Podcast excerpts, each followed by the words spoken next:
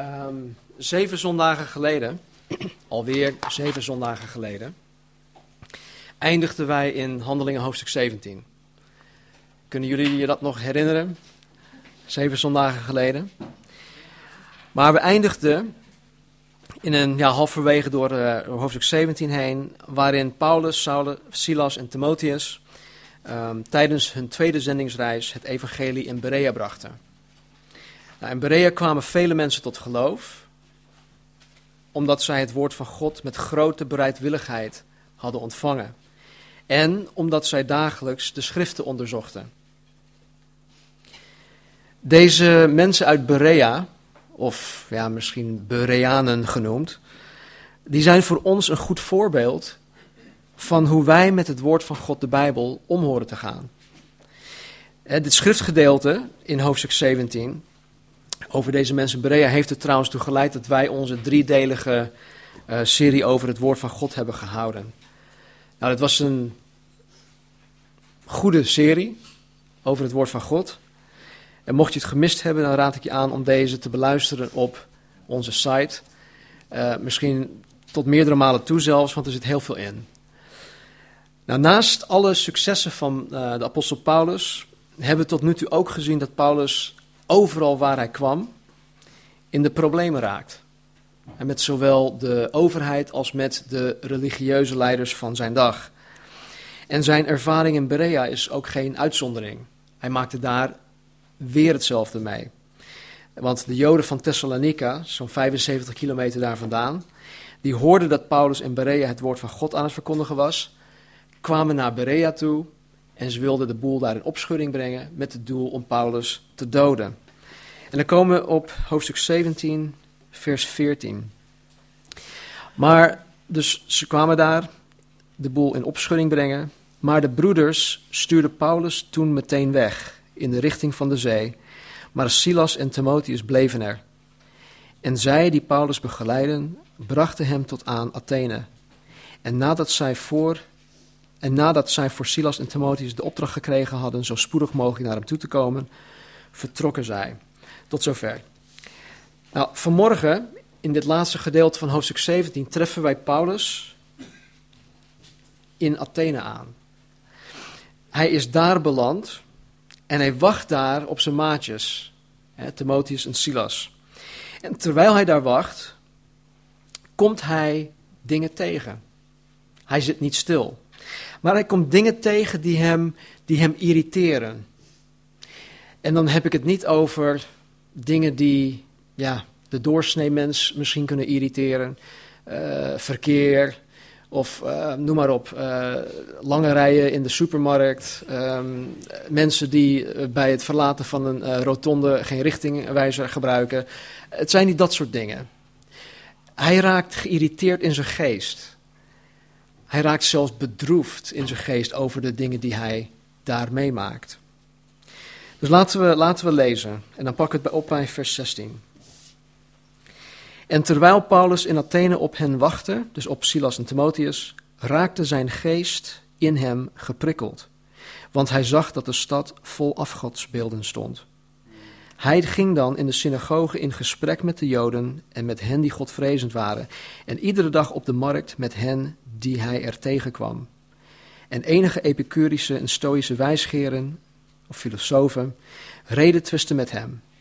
En sommigen zeiden: Wat heeft deze praatjesmaker toch te vertellen?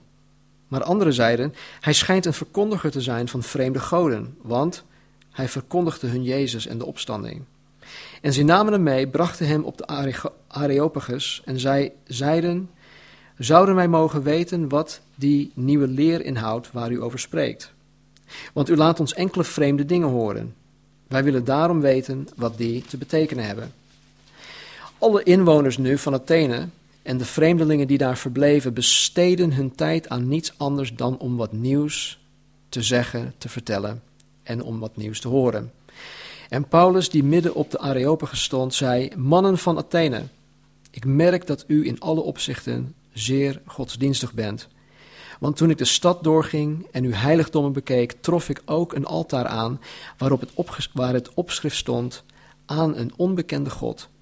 Deze dan, die u dient zonder dat u hem kent, verkondig ik u.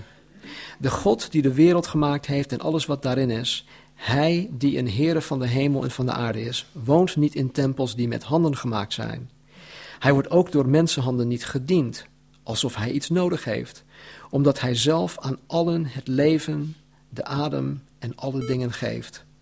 Hij, en hij maakt uit één bloed heel het menselijk geslacht om op heel de aarde, aardbodem te wonen. En hij heeft hun van tevoren toegemeten tijden en de grenzen van hun woongebied bepaald. Opdat zij de Heere zouden zoeken, of zij hem misschien al tastend zouden mogen vinden, hoewel hij niet ver is van een ieder van ons. Want in hem leven wij, bewegen wij ons en bestaan wij, zoals ook enkele van uw dichters gezegd hebben, want wij zijn ook van zijn geslacht. Wij nu, die van Gods geslacht zijn, moeten niet denken dat de Godheid gelijk is aan goud, zilver of steen, een product van de kunstzinnigheid en gedachten van de mens. God dan verkondigt met voorbijgaan van de tijden van onwetendheid, nu overal aan alle mensen dat zij zich moeten bekeren. En wel omdat Hij een dag bepaald heeft waarop Hij de wereld rechtvaardig zal oordelen door een man die Hij daartoe aangesteld heeft. Daarvan heeft Hij aan allen het bewijs geleverd door Hem uit de doden op te wekken. Toen zij nu van de opstanding van de doden hoorden, spotten sommigen daarmee. Anderen zeiden: Wij zullen u hierover nog wel eens horen. En zo is Paulus uit hun midden weggegaan. Maar sommige mannen sloten zich bij hem aan en geloofden.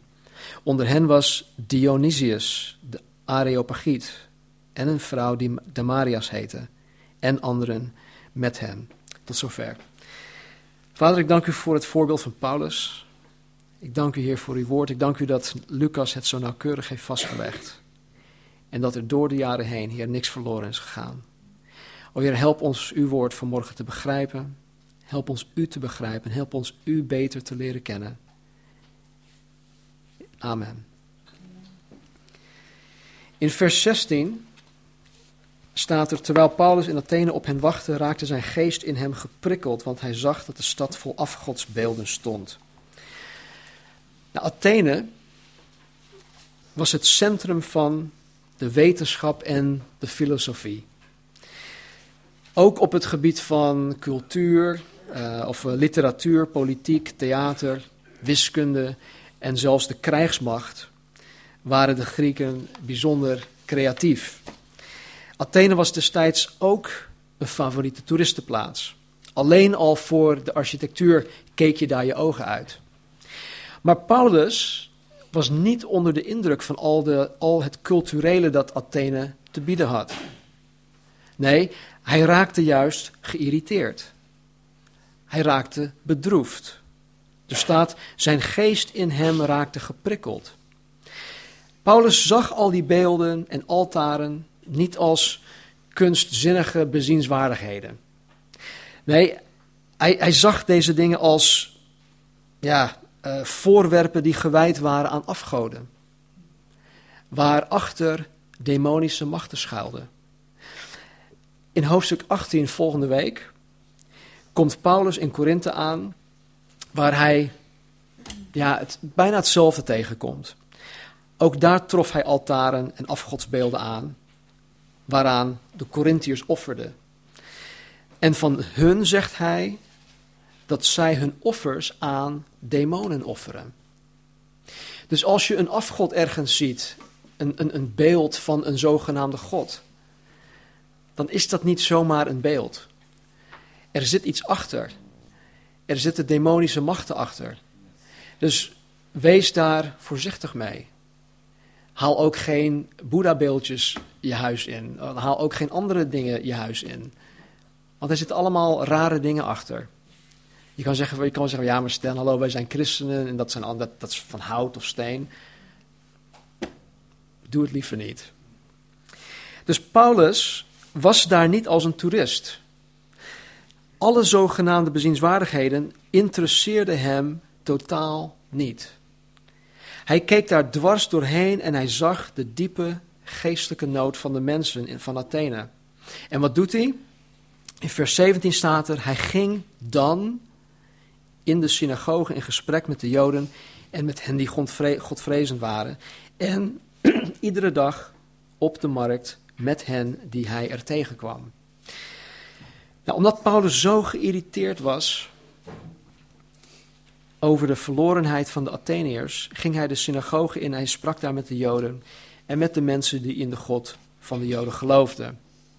Nou, we weten inmiddels van Paulus dat hij, ehm, ja, wanneer hij een stad binnenkwam, als er een synagoge was, dan ging hij altijd eerst daar naartoe. Ondanks dat het er altijd in de problemen bracht, was dat zijn praktijk. Maar Paulus spreekt niet alleen binnen de synagoge. Hij trad naar buiten toe om het evangelie aan de man te brengen. En hij bracht als het ware de kerk naar de mensen toe. Nou, dat klinkt misschien heel raar, maar ik kan hier elke zondag een boodschap aan jullie brengen. We zitten hier nu met een man of dertig. Nou, hartstikke fijn dat wij met z'n dertigen dit mogen, dit mogen delen. Maar hoe zit het met de 130.000 andere mensen in de Haarlemmermeer? Zie, en Paulus was daarvan bewust. Dus hij gaat daar naartoe. Hij, gaat, hij brengt het evangelie naar de mensen toe. Hij brengt de kerk naar de mensen toe. En wat ik daarmee bedoel is dat hij de kerk naar de mensen toe brengt. Wij zijn de kerk. We kunnen misschien denken van, oké, we gaan naar de kerk toe, we gaan naar de school toe. Dit is kerk. Maar ik ben ook de kerk. Wij zijn bouwstenen, wij zijn levende stenen van de kerk. En, en waar ik naartoe ga, neem ik de kerk met me mee. En Paulus deed precies hetzelfde. Hij bracht de kerk, de gemeente van Jezus Christus, naar de mensen toe. Hij bracht dat aan de man. Nou, iedere dag ging hij in gesprek met mensen die hij op de markt tegenkwam. Deze markt was het centrum van de stad. Hè, zoals wij dat ook hier in Nederland hebben. Elk dorp heeft een centrum, elke stad heeft een binnen, hè, de binnenstad een centrum. En zo dit centrum was dé plaats waar mensen elkaar ontmoetten. En ze deden dit vooral om met elkaar in gesprek te gaan. Het was niet, niet alleen een sociaal gebeuren, maar het was vooral, uh, ja, ze, ze, kwamen daar om te filosoferen. Zeg je dat goed? Ja. Filosoferen, ja. Dus dat, dat, dat was voor hun uh, hun ding. Dus overal waar je op de binnenstad terecht kwam, waar, waar je kwam, uh, waren mensen in gesprek. Dus het zou niet moeilijk geweest zijn voor Paulus om zich ergens bij aan te schuiven en in te haken op een van de veelgaande gesprekken. En even tussen haakjes, deze mensen zou je trouwens nooit in de synagoge zien. En want deze mensen waren vooral de intellectuelen van de dag. Die mensen die hadden weinig zin in, in het Joods geloof. Vandaar dat er waarschijnlijk ook maar één synagoge was in, in Athene. En zo te horen was het ook vrij klein. Maar deze mensen zou je dus niet in de synagoge krijgen. Dus Paulus, die wist dat deze mensen nooit naar de kerk zou komen, ging dagelijks naar hun toe en trachtte hun daar het evangelie te brengen. Nou, ik geloof dat wij hier iets van Paulus kunnen leren. En niet zozeer het overduidelijke, dat wij, moeten gaan, dat, dat wij horen te evangeliseren, maar dat Paulus ervan bewust was dat er geen enkele andere mogelijkheid was om met deze mensen audiëntie te krijgen. Als hij het evangelie met hun wilde delen, en dat wilde hij, dan moest hij naar hun toe gaan. Hij kon misschien wel flyers uitdelen om mensen uit te nodigen voor de synagoge. Hij kon misschien ook langs alle deuren gaan van, joh, ik ben, ik ben de apostel Paulus, uh, kom een keer uh, aanstaande zaterdag naar de, naar, naar de synagoge toe, ik heb een goede boodschap voor jullie. Nou, hoeveel mensen denk je zouden gekomen zijn? Ik denk heel weinig. En misschien kon hij ook een, een advertentie plaatsen in de, in, de, in de plaatselijke krant. Ik denk dat dat ook niet veel, veel verschil had gemaakt in de, de opkomst van, uh, of, de, of geen opkomst van de mensen. Dus hij was ervan bewust dat er geen enkele andere mogelijkheid was om deze mensen toe te spreken. Dus hij moest wel naar hun toe. Als deze mensen hem aan wilden horen of gingen horen. Nou, ik geloof dat wat wij als gemeente en als individu van Paulus hierin kunnen leren, is dat wij flexibel en creatief horen te zijn in het aan de man brengen van het evangelie. En dan gooi ik even de vraag in de zaal, en die hoef je niet te beantwoorden, maar wees wel bezig met deze vraag. Wees er voortdurend bezig, mee bezig. Hoe kunnen wij Hoe kan ik audiëntie krijgen bij mensen die nooit in onze kerk zouden komen? Hoe? Nogmaals, je hoeft het niet te beantwoorden, maar wees wel bezig met die vraag. Bid, Heer, hoe kan ik audiëntie krijgen met mensen die nooit naar op, op zichzelf naar de kerk zouden komen? Help ons erbij. Nou, kijk wat er gebeurt. Vers 18. En enige Epicurus en Stoïsche wijsgeren reden twisten met hem. Dat waren filosofen. Sommigen zeiden, wat heeft deze praatjesmaker toch te vertellen? Maar anderen zeiden, hij schijnt een verkondiger te zijn van vreemde goden, want hij verkondigde hun Jezus en de opstanding. Nou, ik, ik kan heel veel vertellen over uh, het Epicurisch uh, filosofie en de Stoïcijnse, maar daar wil ik jullie absoluut niet mee vervelen. Um, heel, heel beknopt en waarschijnlijk heel kort door de bocht. Uh, de Epicurische filosoof had het geluk en het genot op het oog. Het geluk en het genot. Hun ding was dat je moet genieten van alles, maar dan ook alles dat het leven te bieden heeft. Je moet het vooral rustig aandoen. Dus je moet je niet druk maken. Rustig aandoen. Genieten van alles dat het leven te bieden heeft. Of het nu slecht is of goed is, maakt niet uit. Genieten. Je moet je eigen geluk moet je vinden. De Stoïcijnse filosoof had ja, uh, meer een, een discipline op het oog. Hun ding was dat je jezelf helemaal los moest maken van emoties, uh, van het sensuele, van het materiële. En dat je, ja, dat je, dat je eigenlijk tot een hoger niveau moest komen door, door, uh, door veel te leren, door veel, uh, ja, door, te, door te redeneren met, met anderen die een stuk verder zijn. En zo kwam je tot een bepaald niveau. En waar je dus echt los was van je emoties, van het sensuele, van het materiële. Nou, heel kortom, de Epicurus zegt, kost wat kost, je moet van het leven genieten. En de Stoïcijnse zegt, je moet het leven maar verdragen. Dus er waren twee verschillende zienswijzen. Allebei hadden hun eigen opvatting over het leven, maar geen van beiden dachten na over het eeuwig leven. Dus sommigen zeiden, wat heeft deze praatjesmaker toch te vertellen? Maar anderen zeiden, hij schijnt de verkondiger te zijn van vreemde goden, want hij verkondigde hun Jezus en de opstanding. Vers 19. En ze namen hem mee dus deze filosofen, de Stoïcijns en de Epicurus, namen Paulus mee en brachten hem op de Areopagus. En ze zeiden, zouden wij mogen weten wat die nieuwe leer inhoudt waar u over spreekt? Want u laat ons enkele vreemde dingen horen. Wij willen daarom weten wat die te betekenen hebben.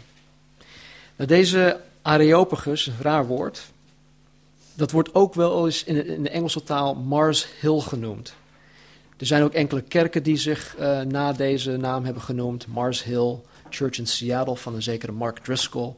Een hele goede gemeente, bijbelgetrouw. En uh, ja, onderwijst het woord ook goed. Uh, maar goed, Mars Hill.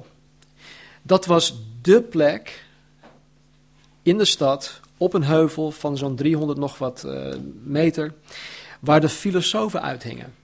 Dat was hun plek, dat was hun hangplaats. En ook waar het rechtscollege dagelijks bij elkaar kwam.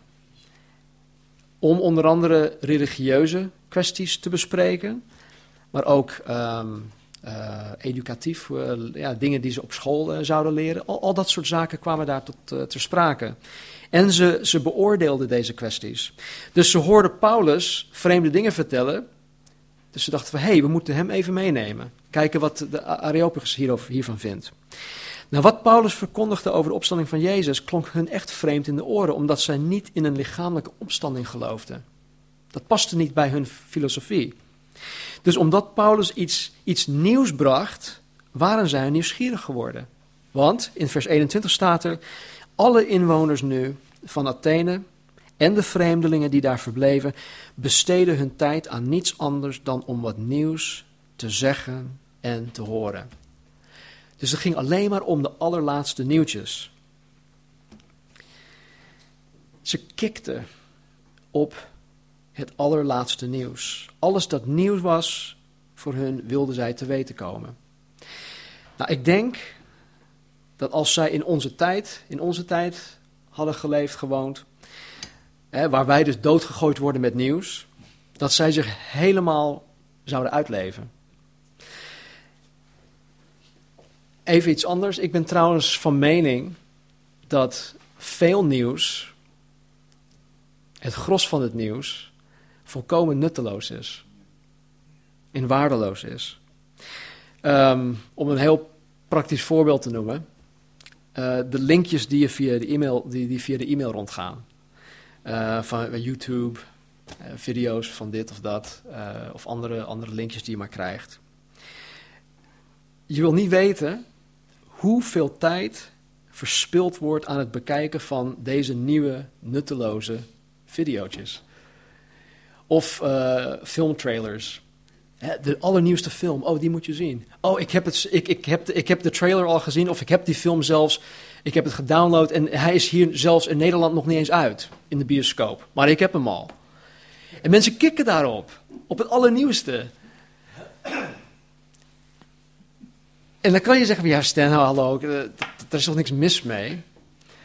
Oké, ik weet ik niet of daar iets mis mee is, maar Mensen, er wordt heel veel van je kostbare tijd verspild aan dit soort onzin. Daar ben ik heel stellig van overtuigd. Dus doe daarmee wat je wil, maar dat is even, even, even een, uh, een kanttekening. Um, ja, nee, ik ga niks over mijn collega's vertellen. Want misschien horen mijn collega's dit ook op de internet. Ja, ik moet nu voorzichtig zijn, want ze, ze, ze, weten, ze kennen mijn website nu. En een aantal van hen uh, hebben de dingen beluisterd. Dus ik moet voorzichtig zijn. En zo waren ook deze mensen, de Areopagieten, belust op het laatste nieuws. Vers 22. En Paulus, die midden op de Areopagus stond, zei: Mannen van Athene, ik merk dat u in alle opzichten zeer godsdienstig bent. Nou, Paulus, die ondanks dat hij geïrriteerd was, ondanks dat hij bedroefd was over de geestelijke verdorvenheid van de Atheniërs, stootte hun niet voor hun hoofd. Hij kwam niet met, met de Bijbel in hand, van jongens, waar zijn jullie nu mee bezig? En, en slingerde om, om hun oor. Nee, hij gebruikte wel heel duidelijke taal, maar hij, hij, hij was niet ja, confronterend in die zin dat, dat hij hun um, afstootte. Hij begon niet meteen met hoe fout zij allemaal bezig waren. Althans niet direct. Indirect zei hij dat wel. Hij begint met de erkenning dat deze mensen spiritueel zijn. of zoals het hier staat, godsdienstig. Dit woord betekent in de positieve zin dat zij vroom waren. Maar in de negatieve zin dat zij bijgelovig waren. En bijgeloof hoort hier niet bij. Er is maar één geloof, en dat is dit. Alles wat, wat daarbij komt, is, is niet, de, niet de waarheid. Dus Paulus vindt hierin een punt van overeenkomst, waardoor hij hun in hun eigen taal kan toespreken. Vers 23. Want hij zegt: Toen ik in de stad doorging en uw heiligdommen bekeek, trof ik ook een altaar aan waarop het opschrift stond: aan een onbekende God. Deze dan, die u dient zonder dat u hem kent, verkondig ik u. De God die de wereld gemaakt heeft en alles wat daarin is, deze die een Heere van de hemel en van aarde is, woont niet in tempels die met handen gemaakt zijn. Nou, Paulus, en dit moet je even goed onthouden, Paulus begint zijn toespraak over God bij het begin. Hij noemt de God van de Bijbel als de schepper van hemel en aarde. Hij begint helemaal bij het begin. Die even vasthouden. In vers 25 staat er ook: Hij wordt ook door mensenhanden niet gediend. Alsof hij iets nodig heeft, omdat hij zelf aan allen het leven, de adem en alle dingen geeft. Hoe ja, onprettig dit misschien zou klinken, heeft God absoluut niets van de mens nodig. Hij heeft niets van mij nodig. Er is niets dat ik God kan bieden dat hij maar nodig heeft. Dus mijn onderhandelingspositie met God is heel erg zwak. Het is 0,0. Het bestaat gewoon niet. Ik heb geen onderhandelingspositie met God. Dus ik weet niet hoe jullie bidden, maar wees ervan bewust dat je geen onderhandelingspositie hebt. Want je hebt God niks te bieden. Hij, God, is degene die ik nodig heb. Hij geeft aan mij het leven. Elke in- en uitademing heb ik van God gekregen. En alles dat ik heb om te kunnen leven hier op aarde, heb ik van God gekregen. Dingen zoals zuurstof. We staan er eigenlijk nooit bij stil. Zuurstof. We klagen heel veel over het weer, de regen. Maar we hebben het nodig om te leven. Hij geeft ons voedsel. Hij geeft ons zonneschijn. Al komt het misschien niet door de wolken heen, het bereikt ons wel. We hebben zonneschijn nodig om te kunnen leven. Dus alles dat wij nodig hebben om hier te kunnen leven, hier te kunnen bestaan op aarde, is van God. God geeft het aan ons. Vers 26. En hij maakte uit één bloed heel het menselijke geslacht om op heel de aardbodem te wonen. En hij heeft de hun van tevoren toegemeten tijden en de grenzen van hun woongebied bepaald, opdat zij, opdat zij de Heere zouden zoeken of zij hem misschien al tastend zouden mogen vinden, hoewel hij niet ver is van een ieder van ons. nu zegt Paulus dat wij uit Adam door Noach hier op aarde zijn gekomen. En dat God vooraf heeft bepaald waar en voor hoe lang de mens zou leven. Nou, dit heeft God gedaan zodat de mens de ware God, de God van de Bijbel, zou gaan zoeken. Dit lijkt tegenstrijdig, want de Bijbel zegt, ook in Romeinen, dat geen enkel persoon op zoek gaat naar God. En toch leert de Bijbel ons dat God bepaalde dingen heeft gemaakt, gecreëerd, gedaan, die Hij nog steeds doet, zodat we geprikkeld raken in ons hart, in ons geest, om God te gaan zoeken. Soms laat Hij dingen in ons leven toe. Soms komt het uit op een soort, ja, tot het uiterste, een tragedie voordat we God gaan zoeken. Maar hoe dan ook, elk mens heeft het verlangen om Hem te kennen. Want God heeft in elk mens het verlangen om Hem te kennen geplaatst. God heeft dat verlangen in elk mens geplaatst. De meeste mensen die Hem nog niet kennen, kunnen het ook niet verwoorden. Ze kunnen ook niet zeggen van, ja, ik heb echt een diep verlangen in mijn hart om God te kennen. Nee, het enige wat ze weten is: man, wat heb ik een leegte. Ik heb dit geprobeerd, ik heb dat geprobeerd, ik heb dit bereikt, ik heb dat bereikt, ik heb dit gedaan. Nou, noem maar op. Maar ik heb nog steeds een leegte. Harrison Ford, een van de meest uh, beroemde en, en, en rijke acteuren van de jaren 80 en 90, die heeft echt het, het, het toppunt van, van beroemdheid bereikt in Hollywood. Die zei: ondanks dat ik alles heb bereikt, mis ik nog iets. Iets ontbreekt. En hij kon zijn vinger niet plaatsen op datgene wat ontbrak. Ik weet het. Want ieder mens heeft diep in hun hart een verlangen gekregen om God aan te raken en om door Hem aangeraakt te worden. Ieder, ieder mens heeft als het ware een leegte in hun hart in de vorm van God. Een leegte die alleen God kan vullen. En Paulus zegt dat hij, die God, heel dichtbij is. Hij zelf zo dichtbij dat wanneer je hem aanroept, hij je zal horen.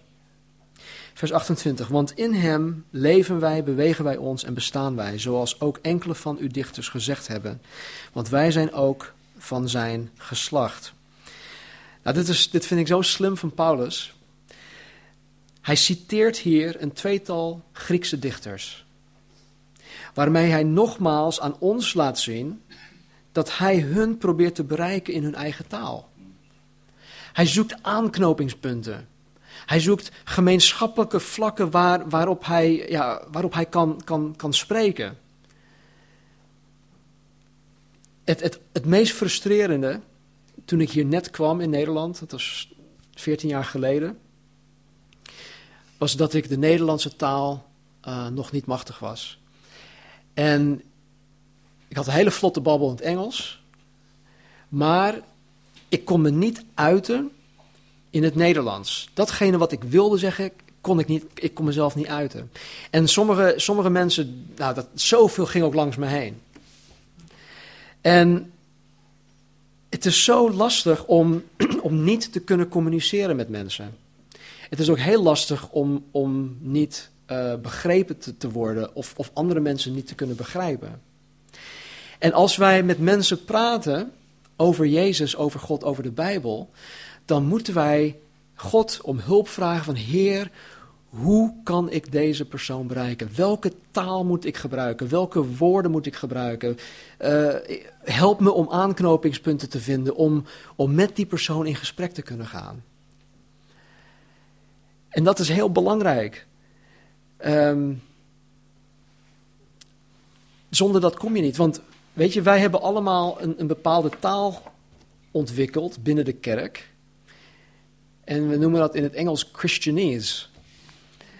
En we komen met, met woorden als uh, you need to repent, bekeren en uh, heiliging en, en, en uh, lofprijs en aanbidding en, en, en gebed. En, weet je, mensen hebben geen flauw idee waar dat over gaat.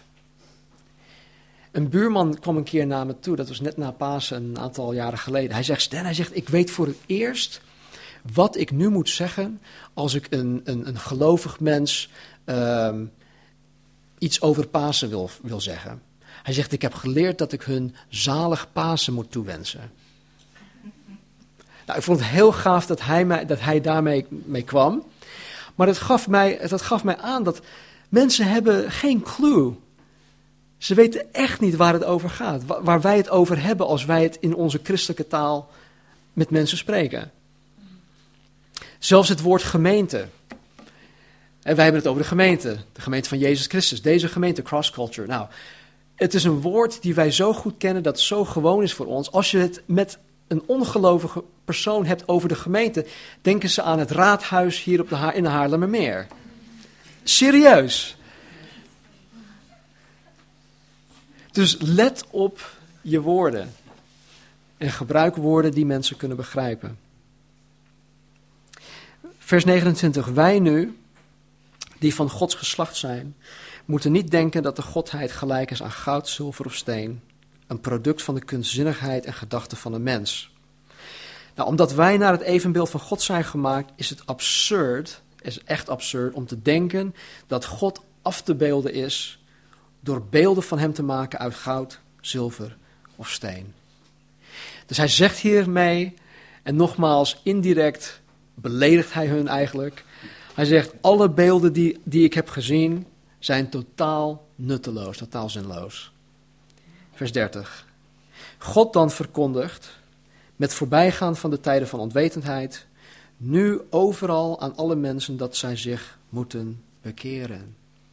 Nou, nu komt Paulus met zijn appel.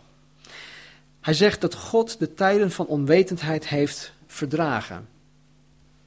Maar nu omdat Jezus Christus niet alleen voor de Joden is gekomen, maar voor alle mensen is het evangelie voor iedereen. Dus mensen zijn zonder excuus. Dus alhoewel zij tot op dit moment niets van Jezus konden weten, zegt Paulus nu dat zij eigenlijk, ja, zoals ik net zei, geen excuus hebben om zich te bekeren.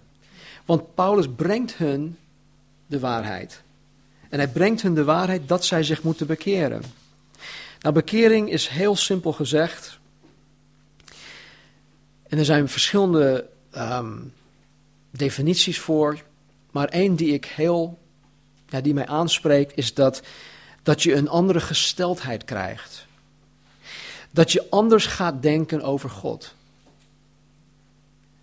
Je bekeert je. Je bekeert je eh, misschien um, dacht je vroeger dat God alleen maar boos op je was. dat God je alleen maar straft. voor elk wisselwasje. Maar nu ga je aan de hand van de Bijbel anders denken over God. Nu, nu, nu besef je, hey, God houdt van mij. God is een liefdevolle vader. Hij straft mij niet. Hij kastijdt mij wel, maar dat is goed, want dat hoort zo. En hij doet het om mij iets te leren. Maar straffen, dat, dat, dat is niet voor een kind van God. Dus je komt tot de waarheid over God en jouw beeld van God verandert. Dat is bekering. Ik vroeg me ook af, hè, en dat, dit kwam van de week ehm, in mijn gedachten op. Ik heb me heel vaak in mijn leven, in mijn christelijk leven, willen bekeren van bepaalde dingen. En, ehm, nou noem maar op, om een voorbeeld te noemen.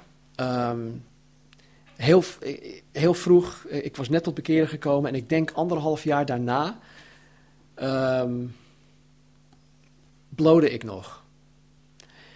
Niet zoals ik als vroeger, hè, want voorheen was het zo dat ik uh, opstond en meteen daarna greep of ik nu naar het werk moest gaan of niet.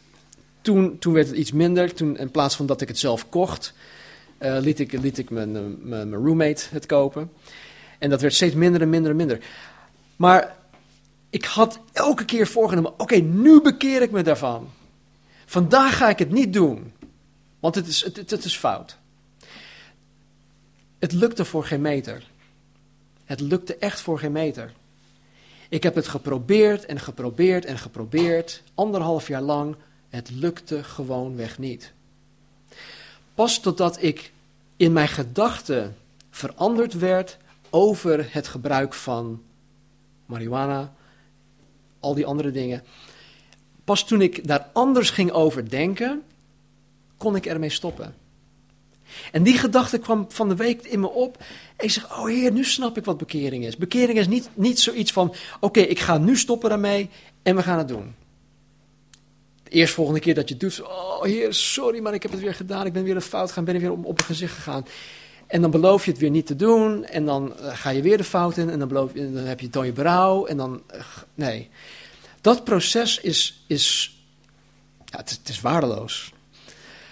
Maar bekering is dat je je van gedachten verandert. En doordat je van gedachten verandert, ga je ook anders leven. En als een mens eerst ja, een, een totaal verkeerd beeld heeft van God, wanneer die van gedachten verandert over God, zal die ook meer dichter bij God komen. Zal die God ook toenaderen? Zal die ook de Bijbel openen? Zal die ook gaan bidden? Zal die ook allerlei andere dingen gaan doen om sterker te worden in zijn of haar geloof? Dus bekering is simpel gezegd dat je een andere gesteldheid krijgt, dat je anders gaat denken over God. En omdat je beeld van God verandert, omdat je beeld van bepaalde zonden in je leven ook verandert, ga je ook anders leven. En dat is bekering. En dat is waar God elk mens toe roept. Vers 31. En wel, en hier is de, de motivatie voor de oproep tot bekering. Hij zegt wel omdat hij, God, een dag bepaald heeft waarop hij de wereld rechtvaardig zal oordelen door een man die hij daartoe aangesteld heeft. Daarvan heeft hij aan allen het bewijs geleverd door hem uit de doden op te wekken. De reden waarom God alle mensen oproept om zich te bekeren is opdat hij op een zekere dag de wereld, alle mensen dus, rechtvaardig zal oordelen. Um, ja, laten we even eh, snel naar uh, Matthäus hoofdstuk 25 gaan.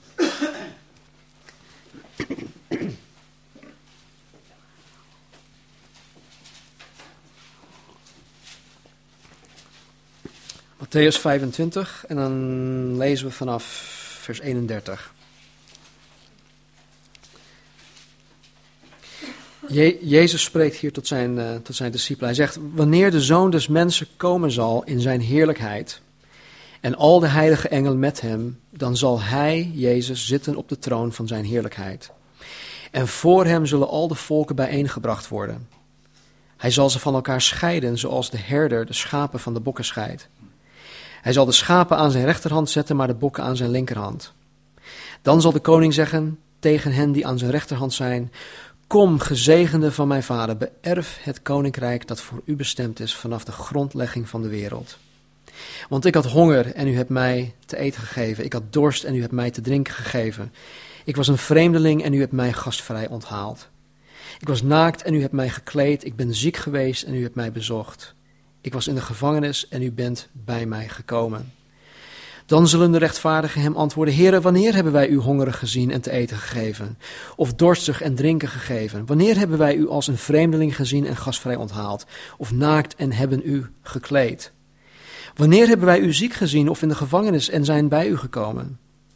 En de koning zal hun antwoorden: Voorwaar, ik zeg u, voor zover u dit voor een ander van deze geringste broeders van mij gedaan hebt, hebt u dat voor mij gedaan. Dan zal hij ook zeggen tegen hen die aan de linkerhand zijn: Ga weg van mij, vervloekten, in het eeuwige vuur dat voor de duivel en zijn engelen bestemd is.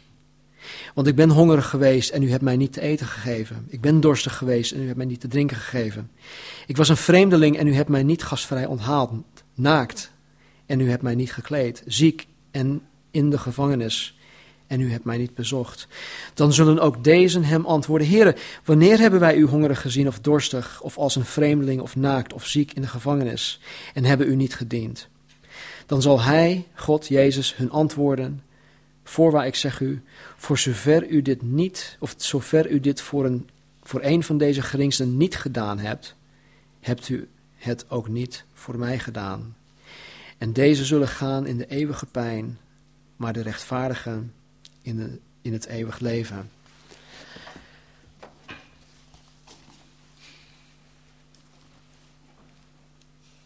Dit zit eraan te komen.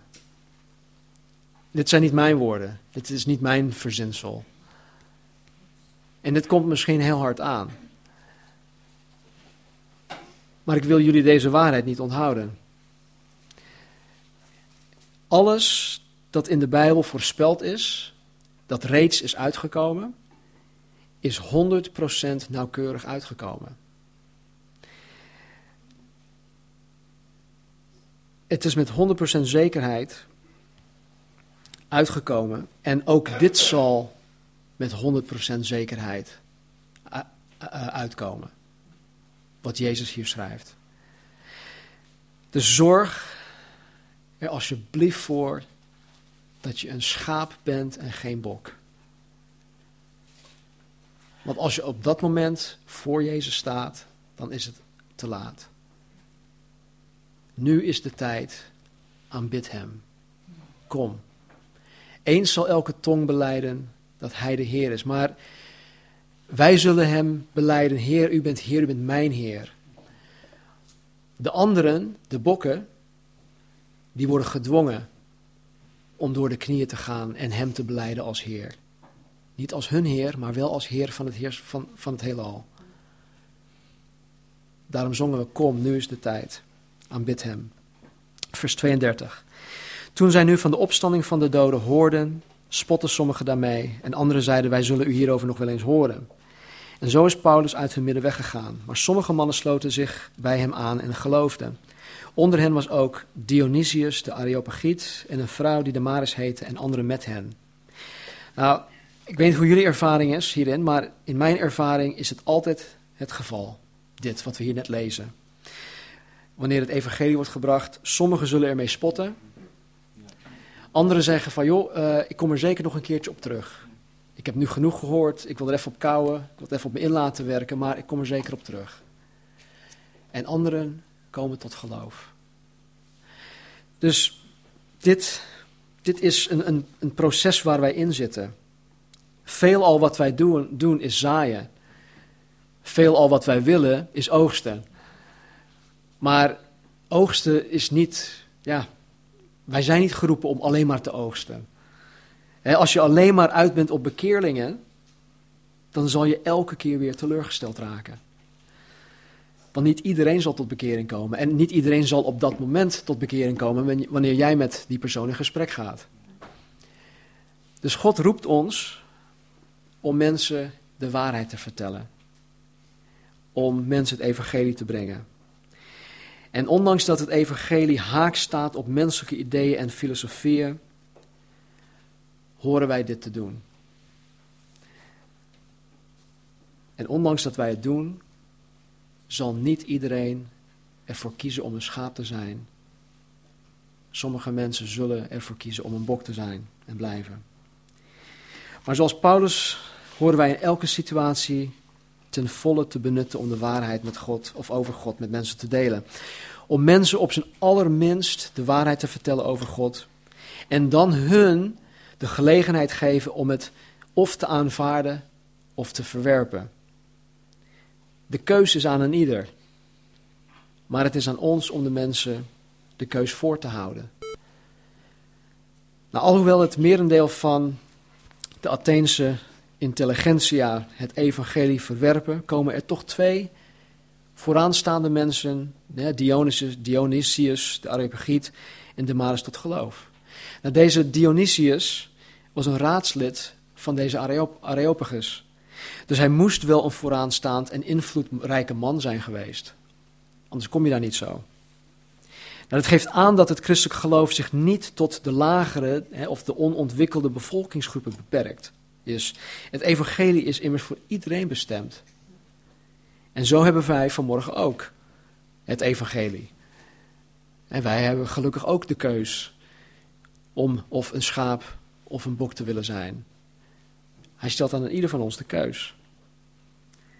God houdt van ons. Hij houdt van ons en hij houdt van onze geliefden die hem nog niet kennen. Hij houdt van onze buren.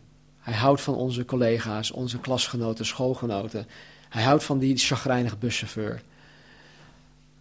Die mensen in de supermarkt die tegen je aanbotsen met hun winkelwagen. En hij wil geen enkel persoon als een bok oordelen.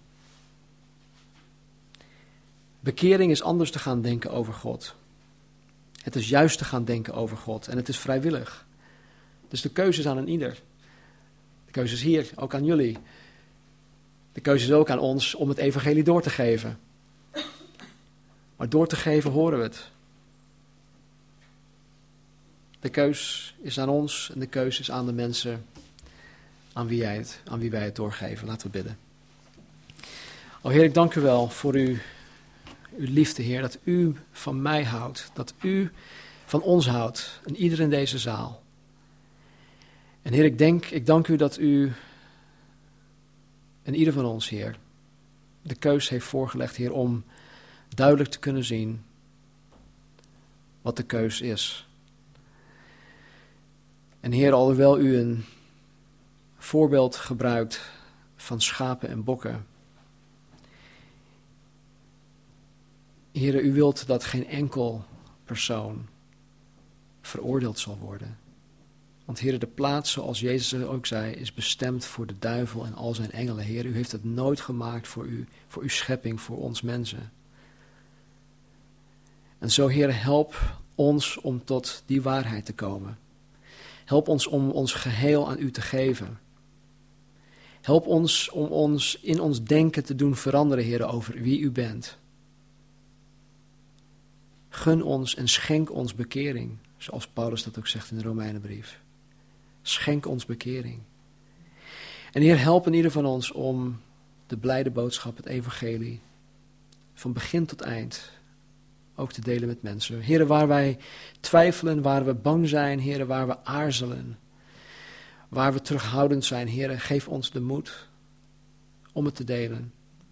Geef ons ook de moed, heren, om mensen niet voor het hoofd te stoten. Of dat wij bang zijn dat we mensen op hun tenen trappen, of dat wij mensen op hun hoofd stoten, Heer, voor hun hoofd stoten, Heer. Heer, help ons om wat ja, de, de, de delivery betreft, Heer, hoe wij het brengen. Help ons daarin onberispelijk te zijn, Heer, dat we daardoor, Heer, de manier waarop dat wij mensen niet afstoten. Want Heer, het evangelie, uw woord, de waarheid, geeft al genoeg aanstoot. En zo, Heer, help ons. Help ons om die keus zelf te maken. En help ons, Heer, om anderen tot die keus te mogen leiden. Gebruik ons, heilig ons tot uw doeleind. In Jezus' naam. Amen. Amen.